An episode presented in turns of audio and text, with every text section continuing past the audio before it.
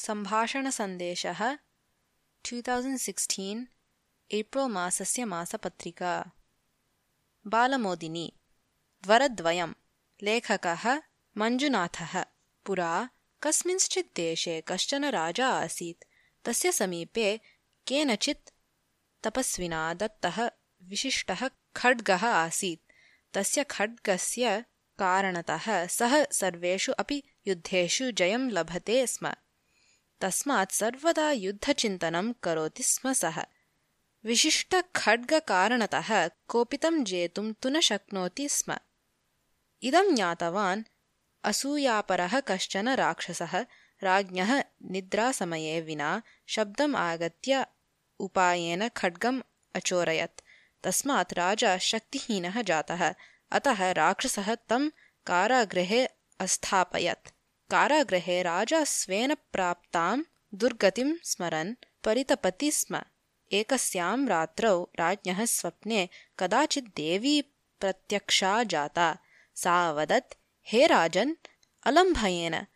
आगामिषु दिनेषु उत्तमः खड्गः त्वया प्राप्स्यते इति।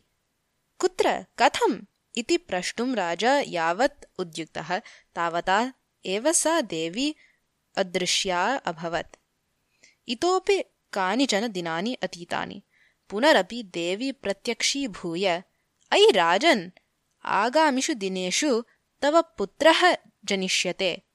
तेन तव सौभाग्यं सिद्धं भविष्यति। इति अवदत्। पुत्रः कदा जनिष्यते? इति राजा यावत् प्रष्टुमुद्युक्तः तावता देवी अदृश्या अभवत्। द्वित्राणां वर्षाणाम् अनन्तरं राक्षसः राजानं बन्धमुक्तम् अकरोत्। तव राज्ये विद्यमानाः खड्गाः अन्यानि आयुधानि च मह्यं दातव्यानि। इति आदिष्टवान् सः। इति आदिष्टवान् सः।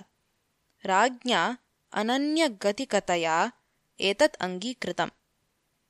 कारागारात् बहिः आगतः राजा प्रजानां समीपे विद्यमानानि सर्वविधानि आयुधानि अपि सङ्गृह्य राक्षसाय अर्पितवान्। सन्तुष्टः राक्षसः त्वया युद्धं न करणीयम् इति उद्देशेनैव मया एतानि आयुधानि वशीकृतानि। त्वया पुनः आयुधानां निर्माणाय प्रयासः न करणीयः इति उक्त्वा ततः अदृश्यः अभवत्। तदनन्तरम् एकस्मात् वर्षात् प्रागेव राज्ञी पुत्रं प्रसूतवती। तस्मिन्नेव दिने राज्ञा कश्चन अपूर्वः खड्गः प्राप्तः। राजा कृतज्ञतापूर्वकं देवीं स्मरन् तां पूजितवती। पूजयित्वा तस्याः जपं कृतवान्।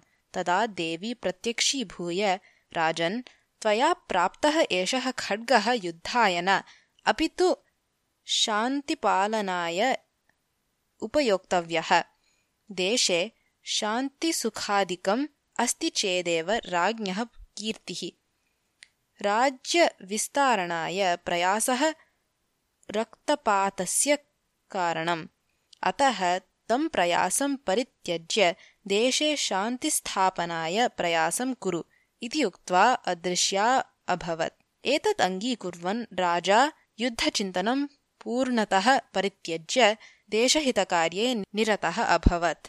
कथा समाप्ता।